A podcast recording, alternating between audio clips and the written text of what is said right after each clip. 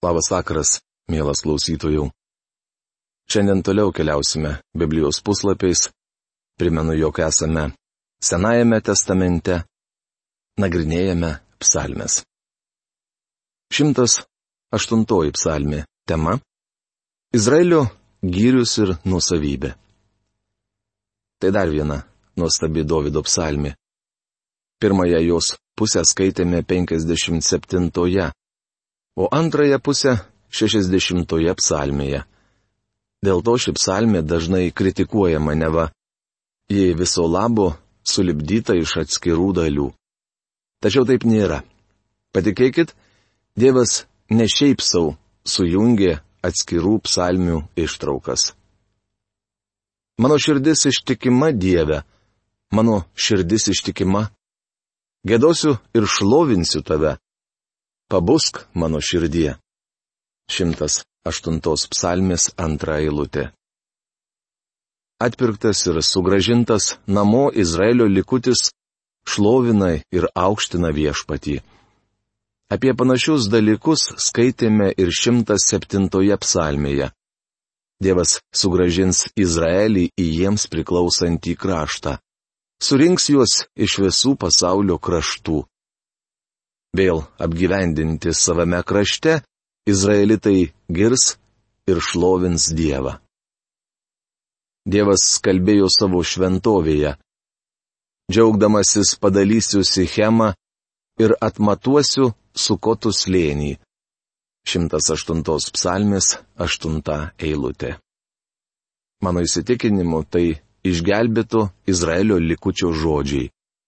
Matome, kaip jie atgauna savo paveldą ir pasidalyja kraštą tarp giminių.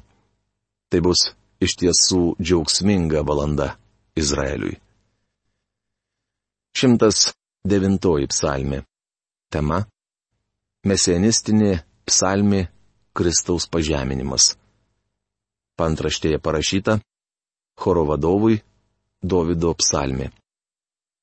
Šioje mesienistinėje prakeikimo psalmėje aprašomas Kristaus pažeminimas. Dar jį vadinama Judo Iskarijoto psalme. Mat Simonas Petras citavo ją kalbėdamas apie Judą.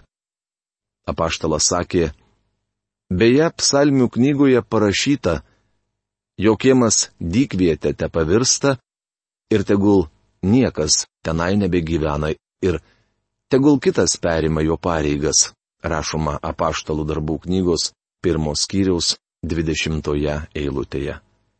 Kaip prisimenate, Simonas Petras suorganizavo rinkimus, norėdamas išrinkti žmogų, kuris užimtų judo vietą.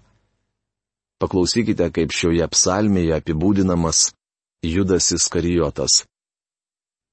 Parink nedorą teisėją jam teisti, testoja kaltintojas, kosto burbulio vertime šietonas, jo dešinėje. Te būna teisme jis pasmerktas, net jo malda te būna laikoma nuodėme. Trumpas te būna jo gyvenimas ir kitas te užima jo vietą. Jo vaikai te lieka našlaičiai, o jo žmona te našlauja. 109 psalmės 6-9 eilutės. Tai rodo, kad Judas buvo vedęs ir turėjo vaikų. Jo vaikai tegul klajoja ir elgetauja, iš pašiūrių, kur gyvena, te būna išvaryti. 109 psalmės 10 eilutė. Ši judui taikyta prakeikimo malda iš tiesų kraupi. Kiek žinau, niekas negina judo įskarijoto Nors spėju, kad kai kurie šio laikiniai teisėjai ir organizacijos būtų išteisinę Judą ir apkaltinę Jėzų. Dievo žodis labai aiškiai sako, kad Judas buvo kaltas, pražuvęs žmogus. Šioje psalmėje matome, kokia siaubinga pražuvusiųjų būklė.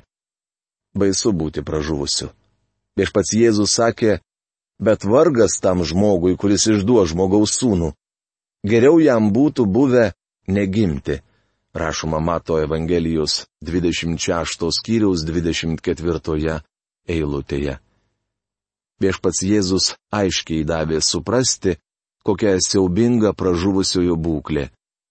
Evangelijos pagal Joną 3 skyriaus 36 eilutėje, kur užrašytas nuostabus kvietimas, atskleidžiamas ir kitas svarbus aspektas. Jėzus parodo kontrastą tarp šviesos ir tamsos. Kas tiki sūnų, turi amžinai gyvenimą. O kas nenori sūnaus tikėti, gyvenimo nematys. Virš jo kybo Dievo rūstybė. Nežinau, ar įmanoma pasakyti stipriau. Mokymas, kad vienu ar kitu būdu pražuvusiesiems bus suteiktas antras šansas, kad egzistuoja didesnė viltis, ar kad yra ir kitas kelias pas Dievą, yra visiškai svetimas Dievo žodžiui. Šventajame rašte pasakyta, kad Dievo rūstybė kybo virš to, kuris nėra patikėjęs Kristumi. Jėzus Kristus dėl mūsų iškentė ant kryžiaus Dievo rūstybę. Jis padarė tai dėl mūsų, tad mes galime būti išgelbėti tik pasitikėdami juo. Antraip, ant mūsų kris Dievo rūstybė. 110 psalmė. Tema - Mesenistinė psalmė - Kristaus išaukštinimas. Ši psalmė, kaip ir ką tik skaitytojai, yra mesenistinė. Joje kalbama apie Kristaus išaukštinimą. Pačioje pradžioje paminėtas Kristaus pakelimas į dangų. Viešpats tarė mano viešpačiui, sėskis mano dešinėje, kol padėsiu tavo priešus tau po kojomis. 110 psalmės pirmą eilutę. Ši psalmė nuostabi tuo, kad joje atskleidžiamas Kristaus dieviškumas. Apsvarstę tai, kas čia parašyta, tikrai neneiksite jo dieviškumo. Ši psalmė cituojama daugelyje Naujojo testamento vietų. Apaštalų darbų antro skyriaus 34-35, Hebrajams laiško pirmo skyriaus 13, penkto skyriaus 6, šešto skyriaus 20, septinto skyriaus 21 bei dešimto skyriaus 12-13 eilutėse. Tuo metu, kai Jėzaus priešai rengėsi galutiniam puolimui, politinė erodininkų partija mėgino pagauti jį kalboje, tikėdamasi išgauti iš Jėzaus kokį nors politinį teiginį, dėl kurio jį vėliau būtų buvę galima apkaltinti Romos valstybės išdavimu.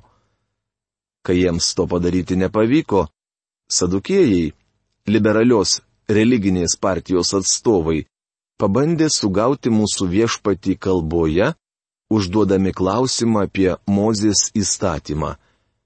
Šiems patyrus nesėkmę, tą patį pabandė padaryti religinė politinė fariziejų partija. Jėzaus atsakymas suglumino fariziejus. Ir kol šie, susijęję į krūvą, rezgė tolimesnius planus, mūsų viešpats jų paklausė. Ką jūs manote apie Mesiją? Kieno jis sunus? Jie atsakė Dovido, jiems. O kodėlgi Dovydas dvasios įkvėptas vadina jį viešpačiu sakydamas, viešpats tarė mano viešpačiui, sėskis mano dešinėje, aš patiesiu tavo priešus tarsi pakojai po tavo kojų. Tad jei Dovydas vadina jį viešpačiu, kaipgi tada jis gali būti jo sunus? Ir ne vienas negalėjo jam atsakyti nie žodžio, nei kas nors drįso nuo tos dienos jį klausinėti rašoma. Mato Evangelijos 22 skyriaus 41-46 eilutėse. Atkreipkite dėmesį, kad Jėzus labai tiesiai paklausė, ką jūs manote apie Mesiją arba Kristų. Farizėjai atsakė, jog jis Dovido sūnus. Išgirdęs tokį atsakymą viešpats priminė jiems 110 psalmę parodydamas, kad jie nepakankamai gerai išmanė šią šventojo rašto atkarpą, kurią žydai laikė mesienistinę. Šioje Davido psalmėje girdime Jahvę kalbantį su Mesiju. Davidas vadina Mesiją savo viešpačiu. Kiekvienas žydas, pripažįstantis Mesiją kaip Davido palikuonį, žinojo šią psalmę kurioje Davidas vadina Mesiją savo viešpačiu taip pabrėždamas jo pranašumą. Tai bylojo, jog Mesijas nebus tik paprastas politinis valdovas. Bet to jei Dovydas pavadino jį viešpačiu, kaipgi tada jis gali būti jo sunus? Viešpats negali būti Dovydo sunus iš prigimties. Jis turėjo gimti antgamtiškai. Taigi šioje psalmėje sakoma, kad viešpats Jėzus Kristus, Izraelio mesijas, gimė iš mergelės. O tai reiškia, kad buvo nekalto prasidėjimo. Viešpats tarė mano viešpačiui, čia lygus kalba su lygiu, Dievas su Dievu. Laiško hebrajams, pirmos kiriaus 13 eilutėje sakoma.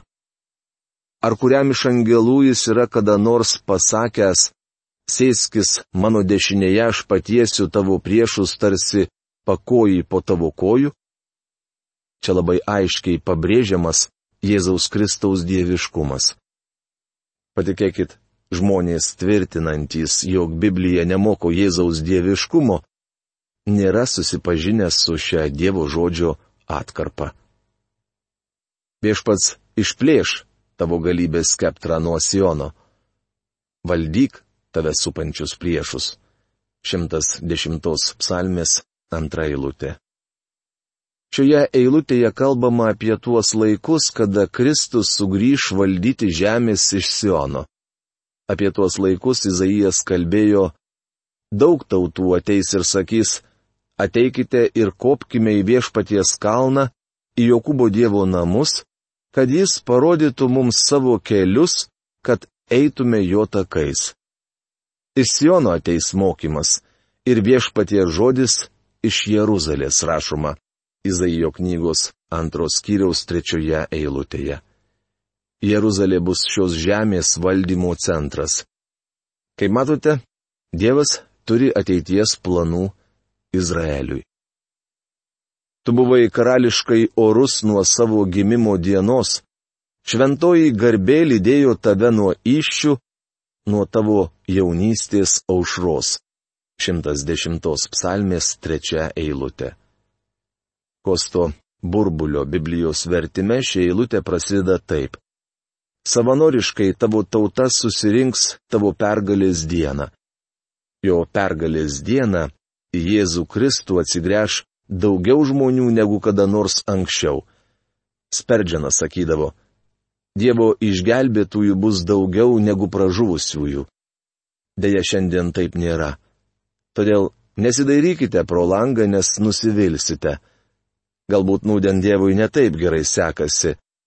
Tačiau dar ne viskas baigta. Jis daugelį išgelbėjo ir dar daugelį išgelbės ateityje. Dievas turi rimtų planų kurie išsipildys ateityje. Viešpats prisiekė ir neatsižadės. Tu esi kunigas amžinai, kaip Melchizedekas. 110 psalmės ketvirta eilutė. Čia atskleidžiama dar viena labai svarbi tiesa. Viešpats Jėzus yra vyriausiasis kunigas Melchizedeko būdu. Ši viena iš svarbiausių Dievo žodžio tiesų plėtojama laiške hebrajams. Dabar perskaitysiu jums tik vieną šio laiško pastraipą. Kitoje vietoje jis sako, tu esi kunigas per amžius Melchizedeko būdu. Savo kūno dienomis, garsiai šaukdamas ir lėdamas ašaras, jis siuntė prašymus bei maldavimus tam, kuris galėjo jį išgelbėti nuo mirties ir buvo išklausytas dėl savo pagarbios baimės.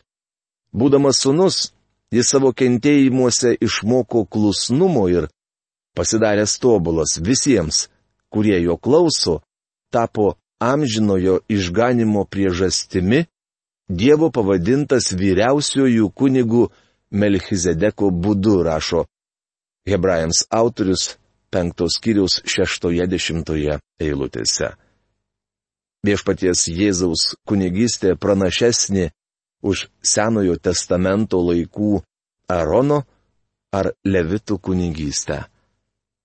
Šiuose eilutėse atskleidžiamas ir viešpaties Jėzaus Kristaus dieviškumas ir jo žmogiškumas. Viešpats yra tavo dešinėje, jis sutriuškins karalius savo įniršio dieną, jis teistautas ir pripildys mūšio lauką lavonų, visoje žemėje nugalės karalius. 110 psalmės 5-6 eilutės. Matote, Kristus sugrįž teisti. Tai akivaizdu iš antros psalmės devintos eilutės, kur sakoma, geležies skeptru gali joms kirsti, kaip molio indus iššūkęs daužyti. Savo žygyje jis atsigers iš upelio ir pasistiprinęs nugalės. 110 psalmės 7 eilutė. Man patinka, kaip šią eilutę komentuoja daktaras Gebeleinas. Cituoju. Šioje pastraipoje vėl matome mūsų viešpaties nusižeminimą ir išaukštinimą. Nusižeminimą parodo faktas, kad savo žygyje jis atsigėrė iš upelio. Tai primena mums 300 Gideono karių, kurie atsiklaupę lakė vandenį į šunys, o vėliau buvo panaudoti Dievo ir išaukštinti per jo dovanotą pergalę. Tačiau Jėzus nusižemino dar labiau. Jis gėrė iš gilaus kentėjimų ir mirties šaltinių. Dėl to Dievas jį nepaprastai išaukštino. Tai iš tiesų nuostabi psalmė. 111 psalmė. Tema - aukštinami Dievo darbai. Tai psalmė, kurioje šlovinami Dievo darbai. Hebrajų kalboje įparašyta nepriekaištingų akrostichų, kurio išvertus į lietuvių kalbą nebelieka. Čia pradedamas trijų aleliųjų psalmių ciklas 111-113 psalmis. Šioje psalmėje šlovinamas Dievas už jo darbus ir už atpirkimą. Vadinasi, vėl girdime naują giesmę, kuri bus gėdama danguje. Senoji giesmė gėdama apie sukūrimą, naujoji apie atpirkimą. Abi giesmės užrašytos šioje psalmėje. Šlovinkite viešpatį, dėkosiu viešpačiui visą širdimi, dorųjų taryboje ir sueigoje. 111 psalmės pirmą eilutę. Šlovinkite viešpatį yra Aleliuja. Toliau paminėti darbai teikiantys jam šlovę. Kokie nuostabus viešpaties darbai. Visi, kurie jais žavisi, nori suprasti. Visa, ką jis daro, pilna jo garbės ir didybės, o jo teisumas amžinas. Viešpats neleidžia mums užmiršti savo nuostabių darbų. Jis švelnus ir gailestingas. 111 psalmės 2-4 eilutės. Šio laikinė nuostata, kad visata atsirado savaime, menkina Dievo tėvų ir viešpaties Jėzaus Kristaus šlovę. Tokiu būdu Dievas apiplėšiamas. Tai tas pats, kas atmesti viešpaties atpirkimą ar neikti jį kaip gelbėtoje. Jei priimate viešpati kaip gelbėtoje, priimsite ir kaip kurėja. Toliau psalmininkas paminė mūsų turimą atpirkimą. Šie žodžiai - aleliuja priegesmio dalis. Savo tautai jis siuntė atpirkimą, sudarė su jais amžiną sandūrą. Šventas ir širpulingas jo vardas. 111 psalmės 9 eilutė. Čia pavartota žodis širpulingas. Šventas Dievas dar yra ir širpulingas. Šis pažyminys netaikytina žmogui, jis netinka jokiam pamokslininkui. Vienas Dievas gali būti vadinamas širpulingu. Dievas atpirks savo tautą. Pagarbi viešpaties baimė išminties pradžia. Tai gerai supranta tie, kurie jie gyvena, jo šlovė amžina. 111 psalmės 10 eilutė. Ak, bičiuli, šlovinkime Dievą už jo darbus. Kokie nuostabus viešpaties darbai. Jų didybė atsiskleidžia kūrinyjoje ir parodo jo visagalybę bei amžiną išmintį. Dar didesnius darbus matome viešpaties atpirkime, atskleidžiančiame jo teisumą, garbę ir šlovę. Vieną dieną atpirkimas bus užbaigtas ir visa bus paklota po jo kojomis. Tuomet atpirktos tautos ir pati kūrinyje. šlovins Dievą giesme. 112 psalmi tema - aukštinamas Dievo teisingumas. Tai dar viena Dievą šlovinanti psalmi, hebrajų kalboje parašyta akrostichu, kurio išvertus į lietuvių kalbą nebelieka. Šioje psalmėje pavartotos visos 22 hebrajiško alfabeto raidės. Čia Dievas šlovinamas už jo teisumą. Kadangi jis teisus, privalo nubausti nuodėmę. Negi nesidžiaugiate, kad Dievas yra būtent toks? Kas būtų tuo met, jei jis būtų kaip velnės, besistengiantis mus suvedžioti ir sunaikinti? Baisu apie tai net pagalvoti. Tačiau Dievas yra geras. Jis teisus ir todėl turi imtis priemonių prieš nuodėmę. Vieną dieną Dievas įgyvendins teisingumą ir aš iš tiesų trokštų, kad jis tai padarytų. Norėčiau kad visi mano gyvenimo keliai būtų ištiesinti. O jūs ar norėtumėt? Už tai ir galime išlovinti. Šlovinkite viešpati. Laimingas, kas viešpaties pagarbiai bijo, kas nuoširdžiai vykdo jo įsakymus. 112 psalmės pirmą eilutę. Neniekinkite jo įsakymų, jie yra veidrodis, padedantis jums pamatyti save tokį, koks iš tikrųjų esate. Po radio laidų, kuriuose aš kalbėjau apie dešimtį įsakymų, gavau nemažai klausytojų atsiliepimų. Vienas vyras rašė, pamačiau, kad esu siaubingas nusidėjėlis. Tai ir skyrė mane nuo Dievo. Kita ponė savo laiške pasidalino, kad jos nuodėmė buvo dievagojimasis. Ji vartodavo Dievo vardą be reikalo. Tačiau toji moteris atsigrėžė į viešpatį jos atsivertimas buvo iš tikrųjų nuostabus. Ir visa tai dėl to, kad ji išvydo save Dievo veidrodyje. Štai kokį poveikį žmonėms turi Dievo įsakymai. Neniekinkite jo įsakymų. Jei esate sažiningas, pripažinsite savo, jog laikydamiesi jų negalite išsigelbėti. Dievo įsakymai parodo, kad mums reikia gelbėtojo. Jo namuose gerovė ir turtai, amžinai tveria jo teisingumas. 112 psalmės 3 eilutė. Dievas niekada nepristiks teisumo. Jis turi jo apšiai. Mūsų Dievas yra teisus. Jis lyg šviesa šviečianti tamsoje doriesiems. Jis visada švelnus, gailestingas ir teisus. 112 psalmės 4 eilutė. Profesoriaus Algirdo Jurieno Biblijos vertime šie eilutė skamba taip. Sužyba tamsoje šviesa tiesiesiems, maloningas ir gailestingas yra teisusis. Sužyba tamsoje šviesa. Kodėl? Todėl, kad Dievas maloningas, gailestingas ir teisus. Mes net nesuvokiame, koks Dievas geras.